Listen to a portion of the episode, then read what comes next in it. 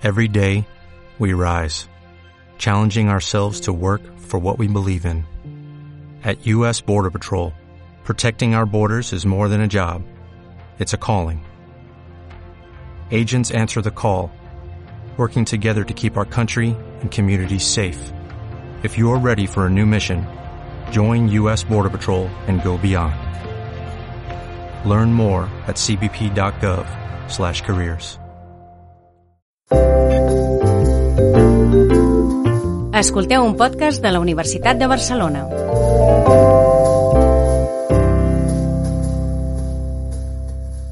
L'any 2020 serà tristament recordat com l'any de la Covid-19, una pandèmia que ha infectat més de 60 milions de persones i ha causat 1,4 milions de morts a tot el món. Però, quina ha estat la seva incidència en entorns universitaris?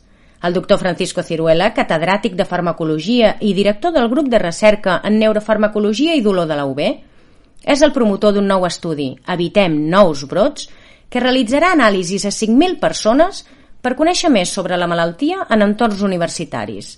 El projecte, que serà el receptor de tots els beneficis aconseguits per la panera solidària de la Universitat de Barcelona, té els següents objectius. Consisteix en estimar la incidència de la infecció per SARS-CoV-2 a la comunitat de la UB, a la vegada que determinar la seva seroprevalença a la nostra comunitat universitària. A part de la Universitat de Barcelona, en l'estudi també hi participen l'Hospital de Bellvitge i l'IDIVell. La doctora Maria Ángeles Domínguez, cap del Servei de Microbiologia de l'Hospital Universitari de Bellvitge i professora de Microbiologia Clínica a la UB, anticipa els beneficis del projecte. La repercusión más directa es la identificación de, de individuos con PCR positiva y, por tanto, tener la oportunidad de, de bloquear, de evitar la transmisión cruzada y evitar nuevos brotes, no solo en el ámbito universitario, sino también en el ámbito extrauniversitario donde la persona identificada se mueva. A diferència d'altres estudis que s'han iniciat sobre la Covid-19, aquest té certes particularitats. Les explica el doctor Ciruela. El projecte que plantegem nosaltres és un projecte pioner en el sentit que és un projecte de recerca, no és un projecte per buscar eh, infectats pel, pel virus, sinó que pretén generar resultats que poden ser útils a l'hora de decidir accions concretes a la UB.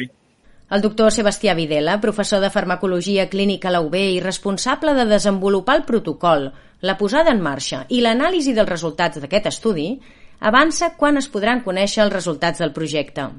Està previst eh, conèixer els resultats de l'estudi la segona quincena de febrer del proper any.